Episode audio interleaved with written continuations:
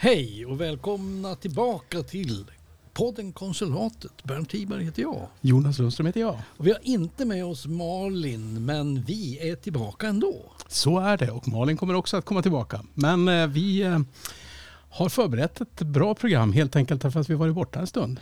Jo, vi har ju varit borta ett tag. Vi har haft mycket annat att göra. Ja. När jag har kunnat, då har inte du kunnat göra podd. Och när du har Ja. kunnat göra podd, då har inte Malin kunnat. Och vi har ju mycket att göra. Ja, så är det ju. Och därför har vi bestämt att vi ska göra ett litet annorlunda upplägg på det som är podden Konsulatet. Vi har tänkt oss Mm. att vi ska göra en podd varje månad. Just det. Och den ska alltid vara i första veckan varje månad. Med undantag för denna podd då, som naturligtvis kommer veckan innan. Exakt. Och vi är i Vitå. Precis. Spelar in den här podden. Det gör vi. Och eh, vi kan väl också säga att vi kommer att kunna fylla podden med lite extra material. Men ni kan alltid lita på att vi ska köra en podd varje månad i början på månaden. Yes. Hörni, eh, eh, kommer ni ihåg vår signatur? Vi testar den. Ja.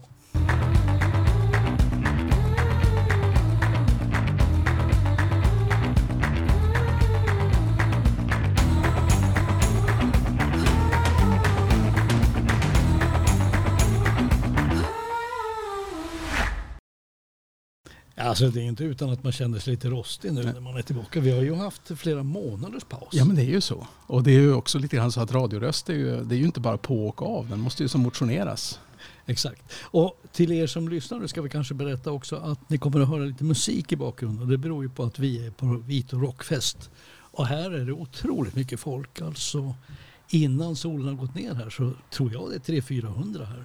Det ska jag nog också gissa. Massor med bilar i den, i den uppställda parkeringen. Och eh, vad är lämpligare än att vi är i Vitå? Därför att för er som är riktigt mm, historieintresserade av just konsulatet så var ju Vitå det första ämnet vi tog upp i podden Konsulatet. Då var det Vitoskolan. Exakt. Vi tycker fortfarande att den borde öppnas igen.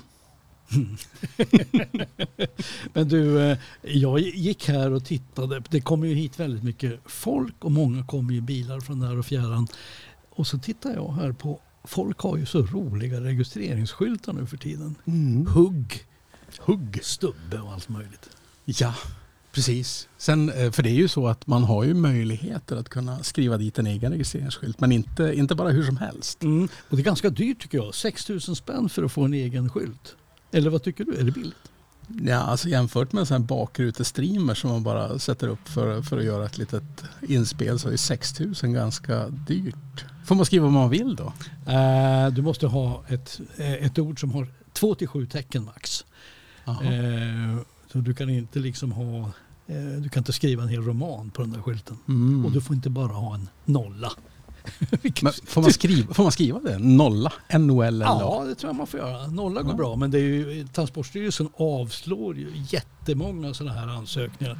Fuck, asshole och eh, sexist och Alltså vill folk liknande. ha sånt på bilen? Exakt, visst är det konstigt. Och då undrar man varför vill folk ha asshole på sin registreringsskylt? Alltså det, då tänker jag, är det för att jag som ligger bakom ska känna mig som ett sånt eller? Ja, eller framför då, om, bilen inte går så fort.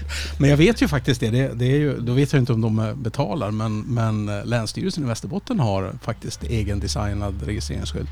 Jaha, vad står det på den då? AC1. Okej, det, det är den gamla eh, länsbeteckningen. Precis. Och det, det noterade jag när jag tittade på Transportstyrelsens beviljade eh, personliga skyltar i Norrbotten. Att det är väldigt många som har BD, alltså typ BD1 Jaha. och BD7. Och, eh, Måste man, inte, måste man inte vara i en viss ålder eller jobba på Länsstyrelsen för att, som Ja. landshövding för att vilja ha det? Ja, jag, jag tänker Ja. det sitter tydligen kvar där rätt mycket. Ja. Men så finns det ju eh, roliga namn sådär som barock och halvbra. Hopp, hopplös. Hopplös. Undrar vad det är för bil som Jag såg den. en bil åkte omkring med registreringsskylten kredit. Vad tror du om det? Ja men det är ju konsumentupplysning. Man, man vet att man vill inte köpa den bilen. Nej men precis. Men annars Nej men vänta, vara- de är personliga. Så att om, om man säljer bilen så får man behålla Jo, plåten. man behåller sin egen, eh, egen skylt. Så, eh, om, många- man, i- om man inte går i konkurs då på kreditskylten. Ja, det är inget bra. Nej. Alltså. Men de flesta, de verkar ändå ha sina förnamn eller sm- sina smeknamn. Alltså typ Anders och Adam och albanen. Bernt finns också. Alban. Inte albanen Bernt utan Bernt. det, det får inte plats på sju tecken. Det va? finns alltså. Albanen. Och så såg jag, ja. och, och så såg jag att, att i Haparanda där åker omkring en eh, bilägare med registreringsskylten Gubben. Oh, Och i Kalix finns det en som heter My Wife. my wife. Vad tror du om det? Bilen är jag, My Wife. jag tror han är ogift. Ja. Jag tror han har, jag tror han har ett för starkt bilintresse. Men den här bilägaren i Boden då, vad tror du om det? Renkött. ja, men de har skrivit lammkött. Går Ja. de med på det då, på Transportstyrelsen? Jag Det, gör de undrar- inte va? Jag, jag undrar om de gör det. Men du, jag kollade vad som var ledigt. Eller jag kollade också att det finns en som har registreringsskylten Jonas L. Är det så? Är det du Jonas Lundström? Nej. nej. Jonas L Nej. finns det en som har. Men alltså jag råkade ut för en sån där sak. Jag vet inte om vi, om vi nämnde det någon gång förra gången. Men eh, jag skrev ju eh, jag skrev lite nyhetskrönikor och då skrev jag en i Norran. Mm. Och så blev jag uppringd av vänner i Skellefteå som säger, men, men vad, vad, vad, vad är det för bild på dig? Och då såg jag alltså min byline, men det var en mycket, mycket smalare kille med mera välansat skägg och ja, skinnjacka, så här lite sne, sneskuren så där. Jag tänkte, men vad är det här? Då visade det sig att de hade en till krönikör som hette Jonas Lundström i Norran. Nej! Och så hade de bara förväxlat bilderna.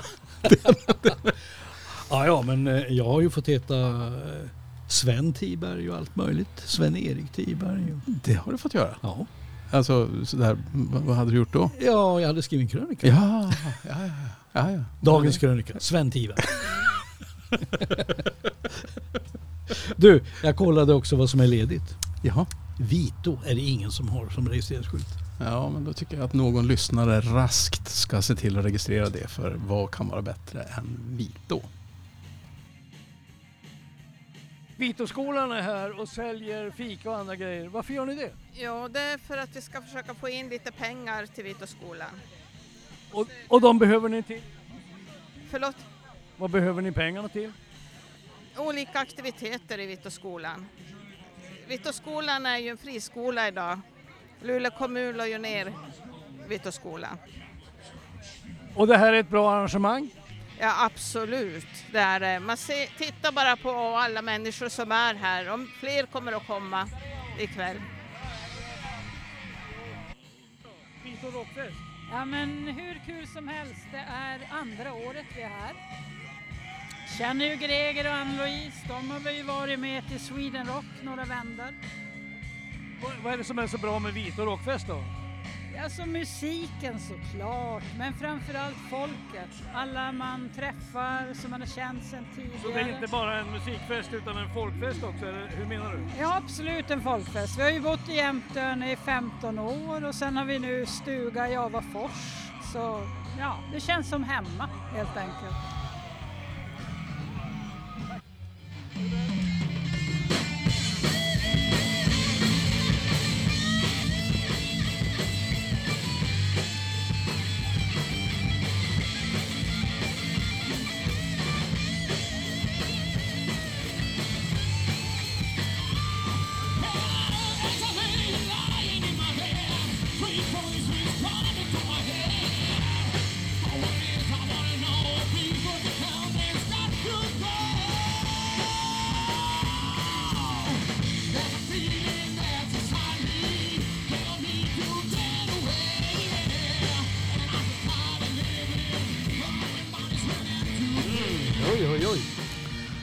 Vad är det vi hör här nu Bernt? Eh, Pink Lizard. Ja, det här är faktiskt live från eh, Vito Rockfest. De Jajamensan. håller ju på i full gång nu. Jajamän.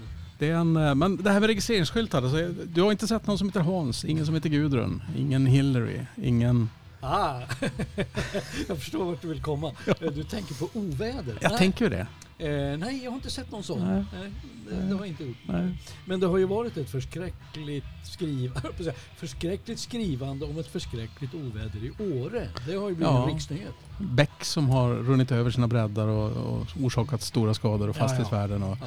och det är klart, det är ju en superviktig nyhet, men, men vissa saker faller ju nästan under radarn. Alltså stormen Hans, eh, apropå då Ja. Hans, den slog ju ner kraftigt, eller drog ju fram eh, i Nors eh, Malåtrakten och förstörde skog i, som jag förstod ett område på 4 gånger 40 kilometer där bara skogen bara rycktes från rötterna. Oj. Och det var ju hundratals miljoner i, i, i skogsvärden som bara gick förlorade. Och jag fick nästan söka nyheterna. Det här känner jag inte till. Alltså var har du, var har du fått nys på det här? Ja, Jag fick ju dels nys, med det för att jag, nys om det för att jag pratade med Malås kommunalråd. Så att eh, även jag hade, hade förlorat själva nyheten. Och sen efter lite sökande så kunde man ju då se att jo men det fanns någonting lokalt där i Sveriges Television och så här. Men, men det blev ju ingen riksnyhet trots att eh, Kan det bero på att eh, många stockholmare och sörlänningar har hus och i princip äger Åre? Alltså att eh, eh, mm, utan eh, den här stora turistmarknaden i Åre så skulle... Ja, därför blir det en jättestor riksnyhet. Nej, men men men, vem har, vilka stockholmare har hus i Norsjö och Malö? Nej, men jag tänker det. Alltså, för, för det är klart, Åre har ju som blivit en, en metropol för, för stockholmare i förskingringen och, och likartat. Eh, ja, men, jag, jag föreställer mig att, att eh, nyheter från sommaren i Visby, om vi undantar Almedalen, eh, väcker ett större intresse än, än eh, lika fina somrar någon annanstans. Det här brukar man ju prata om att det finns fler i redaktionerna som styr innehållet som bor på Södermalm än som bor på alla, alla delar utanför det. Mm. Kan det vara så enkelt? Ja, jag vet Ja. inte. Någonstans känns det ju som att eh, man Men vill det- ju gärna veta nyheter från Ja, där man inte är själv eller där man inte, som man inte vet Men det, innan. lo- men det låter ju som att det har blåst ner förfärligt mycket skog där i de här trakterna i Ja. Västerbotten. Ja, det har ju det. Och det, det, det där skapar ju enorma problem för att man måste ta hand om det så att det inte, så att det inte går förlorat. Det är ju en, eh, vi minns ju kanske då ett av de, de allra kraftigaste stormarna vi hade. eh, För bra många år sedan. Jag tänker på Gudrun. Ja. Och det är ju snart 20, det är ju snart 20 15, Ja, 17 år sedan. Det, det är i princip 20 år sedan. Det, det är det. Och det var ju... Eh, alltså jag tror att det blåste omkull 75 miljoner kubikmeter skog. Alltså till ett värde av 40-50 miljarder Ja. kronor. Ja, Jag minns det där så, så påtagligt därför att eh, man fick göra särskilda överenskommelser för att eh, tyska företag som, som sysslade med skogsmaskin eh, skogsmaskinverksamhet skulle kunna verka i, i Sverige på enklaste sätt. Så att det var rätt mycket handelskammaraktiviteter från tyska handelskammare. För man måste ju ta hand om virket fort. Okej. Är Ja, jo, det handlar ju om det. Ja, så är det ju. Men du, du eh, vi var inne på en grej här. Alltså jag, jag kan tänka mig att många av de här ovädren, de får väldigt stor medial uppmärksamhet därför att de har fått personnamn. Alltså Mm. innan ovädren hade personnamn så skrevs det inte lika mycket om dem. Men det har ju faktiskt varit, Sverige är ju faktiskt, det är inte ovanligt med naturkatastrofer. Alltså Nej. typ Gudrun. Det har ju varit många sådana både tidigare och senare. Mm. Men när norska motsvarigheten till SMHI började namnge de här ovädren efter meteorologerna som upptäckte dem på kartan. Nu kommer det någonting. Ja, man kommer, jo, jo det, hon heter Jorm den här uh, meteorologen. Då döpte vi henne till Jorm. Sen dess så har ju det här blivit en medial hype. Alltså Mm. att skriva om ovädren därför att de har personnamn. De förmänskligas på något sätt, Mm. eller hur? Jo men visst. Och det är klart att meteorologer blir ju som eh, kändisar på något sätt. Framförallt Ja. när det är en, det är en eh, Ja, men det har de blivit. Ja, i Sverige så är det väl kalendernamnen som, som avgör på något sätt. Man tittar i kalendern och så, och så om det var Den Gudrun dagen. som har namnsdag så då, då blev det Gudrun. Okej, och- så kan det vara. Eh, Jag kan ha missuppfattat det där. Men, men någonting åt det hållet är det i alla fall. Mm. Alltså, men jag, jag tycker att många meteorologer förtjänar ju lite berömmelse. Men, men, men, skulle du, ja, men skulle du vilja ha en sån där Nej. orkanen Bernt Nej, har dragit fram? Ja. Eller, eller, eh, eller regnovädret Jonas. Men du, alltså jag tänkte, det finns, Inte taktorrt. det finns ju en sån här väderkatastrof som kallas för Yrväderstisdagen. Har du hört talas om den? Yrväderstid, står det i bondepraktikan eller? Nej, men alltså 1850 så vet jag att det slog till ett ruskigt, ruskigt snöoväder med hundratals dödsoffer i, det var ju framförallt i Götaland och Svealand, inte uppe hos oss. Eh, och det här, det här ovädret det är ju fortfarande omtalat, det är liksom bland meteorologer. Man pratar om den här yrväderstisdagen. Eh, alltså, så oväder och yrväder, det har, det- har det liksom alltid funnits. Och då tänkte jag på en grej, för vi pratade om Åre. Va? Men det gäller ju på något sätt, nu, nu tänker jag, man får ju som inte döpa dem på det där sättet. Ja, nu kommer stormen tisdag, för det, det känns ju lite, lite obestämt sådär. Jag trodde du skulle säga stormen Tiberg. Tisdag, ja just det. Nej men du, eh, vi känner ju alla till att det har varit ett förfärligt oväder 1719. Alltså det är ju eh, i samband med den så kallade dödsmarschen, alltså med Ja. Arm, Armfeldts karoliner över Jämtlandspasset. Och det här är ju i närheten av Åre. Ja. Och, och det krävde ju tusentals dödso- dödsoffer. Alltså ett extremt besvärligt snöväder där soldaterna var dåligt, dåligt klädda och rustade för det här. Alltså, det blev en väderkatastrof och en av Sveriges största militära katastrofer Ja. genom tiderna. Ja. Poltava kanske man kan jämföra med. Ja. Men, men så har det väl varit i, i, så fort någon har försökt invadera Ryssland. Va? Såväl Napoleon som Hitler Mm. mötte, ju, var mötte ju inte bara soldaterna utan Just vintern. Men var det inte i positiv bemärkelse, nu, nu avslöjar man sin, sina dåliga kunskaper om årtal, men korsar man inte Stora Bält på, på under en, alltså en riktigt kall vinter så visade det sig att man kunde promenera och slåss med danskarna. Ja, alltså svenskarna kunde rulla ut tunnor med vatten och göra is. Jaha. Så man rullade tunnorna som frös till och så rullade, släppte man ut mer vatten så det lades lager på lager på lager med tunn is. Sen växte den och så knallade de över. Så förvånade danskarna ska ha blivit. Ja. Va? Vad i helvete? Kommer ni här över vattnet? Är det Jesus? Ja. Vad tycker du om eh, Vito Rockfest? Jag tycker det är otroligt trevligt att ett så här litet ställe kan ha, ha någonting som drar folk, som gynnar hela bygden. Jag tycker det är otroligt roligt att det finns. Va, eh, men, eh, eh, var bor du själv då? Jag bor utanför Luleå i Antnäs. Och du åker eh, till Vito för att vara med på den här rockfesten? Alla gånger om. I fjol hade jag själv husvagn här men tyvärr i år så har jag har den i stugan och håller på att rusta så att nu, nu är jag bara här med bil i år. Vad tycker du om musiken då? Eh, rock det ligger mig varmt om hjärtat och det är jättetrevligt att de får hit unga band och inte bara från Luleå utan även lite söderifrån också. Så det är jättetrevligt.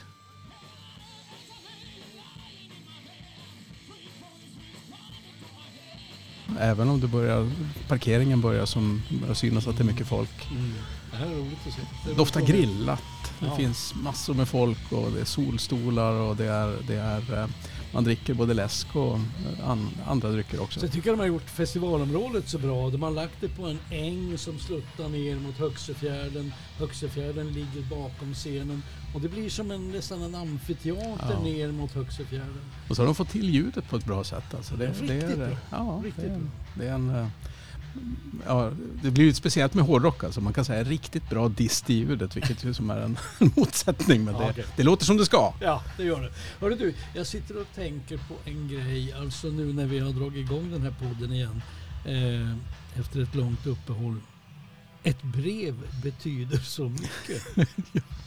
Och tänker Alltså- du på vilket brev då? Ja, alltså veckans största nyhet i Norrbotten är ju att två verksamhetschefer på psykiatrin i Sunderby sjukhus har skrivit ett veckobrev som man har, om sin egen verksamhet som man alltså har publicerat på regionens intranät. Mm. Intranet. Alltså en webbplats som alla medarbetare i Region Norrbotten kan läsa. Och över tusen regionanställda har redan läst det här brevet där den egna personalen anklagas för att stjäla, fälla rasistiska kommentarer eh, och mycket, mycket annat. Och det här har ju naturligtvis väckt mycket reaktioner och personalen Mm. känner sig ju utpekad, svartmålad, Mm. misstänkliggjord och så vidare. Vad säger du om det här? Nej, men alltså, jag, jag, jag tänker så här att jag tror inte att... Eh, alltså, jag tror inte att cheferna, när, när man gör det här, tänker så att nu, nu vill vi rikta anklagelser och misstankar för att vi vill att hela, alla människor som jobbar här ska Nu, må hänger, nu, dåligt. nu ska vi hänga ut våran personal. Ja, jag tror inte det. Men jag tror ju att eh, det är ju inget bra sätt att kommunicera med sina medarbetare. Och framförallt så är det ju inte bra... Ja, men det, är ju, det är ju en... eh, Det finns ju ingenting gott som kan komma av det. Jag, jag har svårt att tänka mig att vad, vad ska hända som en reaktion när man har tryckt på sänd-knappen till ett, till ett sånt här brev. Då, då måste man ju som fundera innan. Vad är det för någonting? Vad vill jag? Vad, vad vill jag sända ut för någonting? Vad vill jag kommunicera? Men jag undrar, precis innan, innan du tar steget, ett steg till då i ditt, res- ditt resonemang, men jag undrar ju liksom hur är det ens möjligt att en verksamhetschef, eller i det här fallet två, de är ändå två, på något sätt bestämmer sig för att lägga ut det publikt. Alltså, Ja. vad, vad tror du det är för snack bakom? Alltså, Nej, men jag, jag tror väl i och för sig... Den, den, jag, jag tror väl att det, det är ju inte särskilt många inlägg på, på offentliga arbetsgivares intranät som blir så här. Det, blir inte, det är ju inga kioskvältare. Man brukar ju som inte, man brukar ju som, veckobreven brukar ju som inte laddas ner tusen gånger. Utan här trodde man väl på något sätt att det, det bara är de som är berörda som kommer att läsa det. Antagligen så tänkte man inte på att, eh, att det där skulle vara för alla. 8000 eller vad man kan vara på, på Region Norrbotten. alltså man förstod inte hur jag det tror funkar. inte det. Att, eh, jag tror inte det. Eller man, man räknade väl inte med att det skulle delas och att det skulle bli Men vem, sån... vem, vilka vänder de sig till med det här brevet? Jag menar vilka, Ja. de här två verksamhetscheferna, vilka vänder de sig? Vänder Ja. de sig bara till den egna personalen eller? Jag tror de hade ambitionen att, att bara vända sig till egna personalen. Men överhuvudtaget så är det svårt att, att skriva som en, eh, ett, ett eh, gruppcirkulär där man, där man på något sätt eh, kritiserar svepande. Eller där, där, här, här måste man ju säga att Ja, du, du kan ju mer om kommunikation än vad jag kan men, men man måste ju som uttrycka sig så att mottagaren ska ta emot det som man skulle vilja sända. Och det, man, man har nog missat en hel del där. Ja, men jag, jag, jag tänker ju också att, eh, att eh, om du har sådana här besvärligheter i din verksamhet. Alltså i och Mm. för sig, om man säger så här. Problem finns på alla arbetsplatser. Mm. Det är jag helt övertygad om. Ja, ja. Alla ja. arbetsplatser. Det finns jättemycket problem av olika slag. Men det normala är väl att man istället för att publicera det i något brev Mm. Istället kallar in personalen till ett möte, stänger dörrarna och säger Mm. Hörni, vi har lite problem här. Vi har upptäckt att ni gör det, någon av er gör det, det har hänt följande har förekommit och så vidare. Låt oss snacka om det här. Mm. Det är ju det Så- man, det är det man har arbetsplatsträffar till. Man har ju som ett helt system för hur man ska kommunicera med sin personal. Så jag har, alltså om, om, om jag finge råda nu de här två verksamhetscheferna, för gjort är ju som gjort. Då, då skulle man nog bara direkt oförblommerat gå ut på samma kanal och säga förlåt. Det var faktiskt inte det här vi tänkte. Förlåt, vi är bara människor. Vi, vi har tagit till oss allt som är och vi ber oförbehållsamt om förlåtelse. Den personal som nu finns är det bästa vi har. Då ska man ju mena det också förstås. Men, men det finns ingen annan väg. Mm. Alltså att, eh, att veva upp det här i, i, i högre nivå eller att försöka få någon sorts regel om på vilket sätt ska, ska chefer eh, kommunicera i veckobrev. Det tror jag inte det funkar. Samtidigt, jag är ju då en eh, vanlig norrbottning. Jag jobbar Mm. inte på Region Norrbotten. eh, Jag jobbar ingenstans. Men jag, menar, jag tar bara del av den här nyheten via Mm. media och då, då tänker jag ju samtidigt att även om det är skitklantigt gjort av de här cheferna att lägga ut det på ett publikt brev så tänker jag ingen rök utan eld. Mm. För det är ganska allvarliga anklagelser. Det handlar Mm. om att personal ska ha smygfilmat patienter. Det handlar om att de har stulit, att de har förvarat alkohol i ett, ett kylskåp på arbetsplatsen. Alltså det är en psykiatrisk klinik vi snackar Mm. om. Alltså det, det, det är ganska allvarliga saker också och risken är ju nu att den här frågan om det här felaktiga publiceringen av brevet Att den skymmer att den, egentligen. exakt, att den överskuggar de problem som faktiskt kanske finns där. Jo, men å andra sidan så, så tänker jag att, eh, eller inte å andra sidan, men, men de händelser som uppenbarligen fanns i det här brevet. eh, Jag har inte läst eh, hela texten eller på något sätt, jag har bara läst om den. det har Men, inte jag heller gjort. Men all, det finns ju regelverk som säger vad ska man göra i det fall som någon vårdanställd eller anställd överhuvudtaget eh, misstänks bryta mot de här reglerna. Ja men Mhm. då ska man ju inte skriva ett brev, man ska ju tillsätta en, en ordentlig internutredning. Man, I vissa fall så är det här brott som ska polisanmälas. Ja. Det ska man ju som inte skriva till, till och säga att vi tycker inte om att ni Grovt, grovt åsidosätter det som är ert ansvar. Mm. Jag tänker det, det fanns en, eh, inte alls jämförbart på det här sättet, men, men eh, i länet där jag jobbade så vill jag minnas att för ett par år sedan så då, då visade det sig att eh, det var några som, som eh, jobbade med akutsjukvård som hade roat sig med lustgas, vilket säkert kunde vara jättekul. Mhm. Eh, det hade de gjort då efter arbetsdagens slut men det är ju ett stort ajabaja och när den här då väl kommer upp då kommer ju det allmänna kravet då att ja men vad ska vi, vad ska vi göra nu då? Vilka åtgärder ska vi tillsätta? Och jag tyckte att den då ansvarige chefen för det här sa att ja, men det där är fruktansvärt fel. Det är inte brottsligt. Mhm. Eh, ska vi lägga till, sa, sa den här personen. Och sa då att eh, vi tar itu med de anställda som vi vet har gjort det här. Vi ska också lägga till att det här gjorde de efter sin arbetstid. Det finns ingen risk att patientsäkerheten på något sätt skulle ha. Och då hamnar man ju någonstans i att säga att ja, det där var ett busstreck. Men ligger det någonting i de här anklagelserna som verksamhetscheferna skickade, då ska man ju absolut inte skriva om det i ett publikt brev till alla anställda. Nej, nej, nej. Då ska man ju snabbt som attan tillsätta det som är rättsvårdande åtgärder eller vad man nu ska göra beroende på vad som har hänt. En skötare på psykiatrin säger ju i NSD och Norrbottenskuriren nu att det här brevet som har lagts ut, att det riskerar att skapa en tysthetskultur istället. Därför att eh, alltså, ingen vågar säga någonting nu om någonting händer. Alltså tror, tror den här skötaren, jag tror, alltså jag tror att den här skötaren menar att om man säger och gör fel nu så är man rädd för att bli kölhalad offentligt igen. Alltså kan det få en sån konsekvens? Nej, jag tror nog att de som, de som mår, eh, alltså de utpekade som antagligen mår allra sämst nu, det är väl de cheferna som har, som har skrivit brevet. Mm. Eftersom vad jag förstod så har de ju inte pekat ut person utan det verkar ju det obehag som kan finnas i att en, en hel verksamhet får en sorts svepande kritik. Den är ju, den är ju jobbig förstås men jag tror nog någonstans att eh, sannolikheten att någon annan verksamhetschef i eh, Region Norrbotten skulle prova samma sak, det, den tror jag är ganska liten. Men en sak är ju klar. Kommer du ihåg den här gamla kampanjen? Ett brev betyder så mycket. Man gör ju det. Alltså, eh, snacka om att nu är det ju ett digitalt brev. Men alltså, jag, jag, mina tankar går ju liksom osökt till den här jättekampanjen, framgångsrika kampanjen som posten gjorde för Ja, det måste fan vara 50 år sedan. Alltså de fick ju en, en generaldirektör på posten som tyckte att det skickades för lite brev.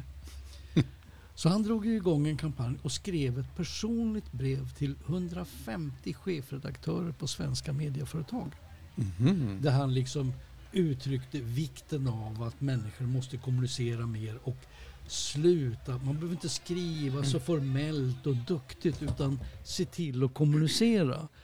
Och den här kampanjen den fick ju ett enormt genomslag därför att nästan varenda svensk tidning, facktidning, dagstidning, eh, veckotidning skrev ju om det här och hyllade det här initiativet. Så det blev ju en superhype och så liksom folk började skicka brev till varandra. Och varenda hushåll i Sverige fick en broschyr som hette någonting i stil med Varför skriver vi så sällan brev när ett brev betyder så mycket? Ja, så vackert. Visst är det bra? ja, en, en, eh, Jag kan inte låta att tänka på Ja. detta. Så, för, för, som gammal reklamman så känner jag det här måste en reklambyrå ha hjälpt ja, posten att tänka du, ut. du tror inte generaldirektören vaknar upp en morgon och säger Ja. nu ska vi göra så Det här. här låter som en typisk reklambyråidé Ja, men jävligt bra tycker Ja, jag. men, den, men, men alltså eh, en av de chefer som har betytt allra mest för mig både som, som människa och i yrke, yrkeslivet hette Björn Pettersson. Mhm. Eh, gick bort Arbetsförmedlingen tidigare år. var chef för han- Länsarbetsnämnden. Länsarbetsnämnden. Eh, han, han eh, hade i sin sån här lilla necessär där all utrustning för piprökning fanns. Han rökte pipa då på den tiden. Mm. Där fanns det en packe med färdigfrankerade vykort. Jaha. Och så sitter han i rökrummet och, så, och jag sitter bredvid och hostar och så läser han Norrbottenskuriren. Och så läser han någon artikel och så säger han att det där var ta tusan riktigt smart. Då Mhm. håller han fram ett vykort och så skriver han namnet på den som då hade sagt det där smarta. Och så skriver han några rader för hand. Så där, att det där var ett fantastiskt uttalande. Se vad, vad bra. Tack så mycket med vänlig hälsning Björn Pettersson. Och så Wow. skickar han iväg. Och får man ett vykort, ett mejl, det är ju fint. Men man kan inte göra en reklamkampanj som säger att ett mejl betyder så mycket. För det gör det ju Nej. inte. Nej. Men ett vykort. Nej, men alltså, jättebra idé därför att jag tror att personligt adresserad reklam idag är ännu bättre, ännu mer effektivt än det var på den tiden. Mm. Jag menar, får du en inbjudan till en fest eller någonting som är personlig Mm. i din brevlåda.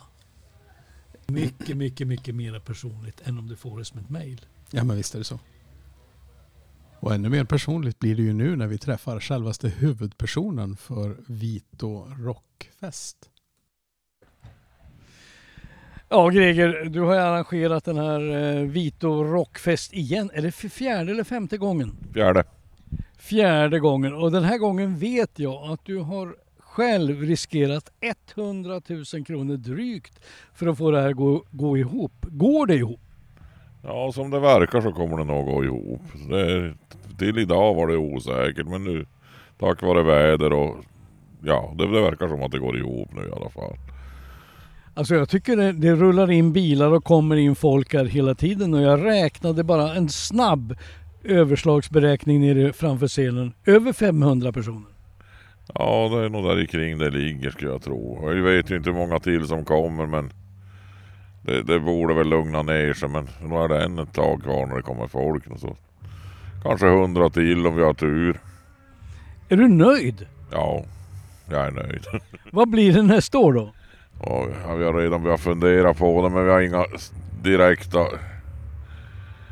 Vi får, det, blir, det blir inte nio band så mycket kan jag säga. Det är för stressigt med nio band. Det blir bättre att kanske börja lite senare på eftermiddagen och kanske ha fem, sex band istället.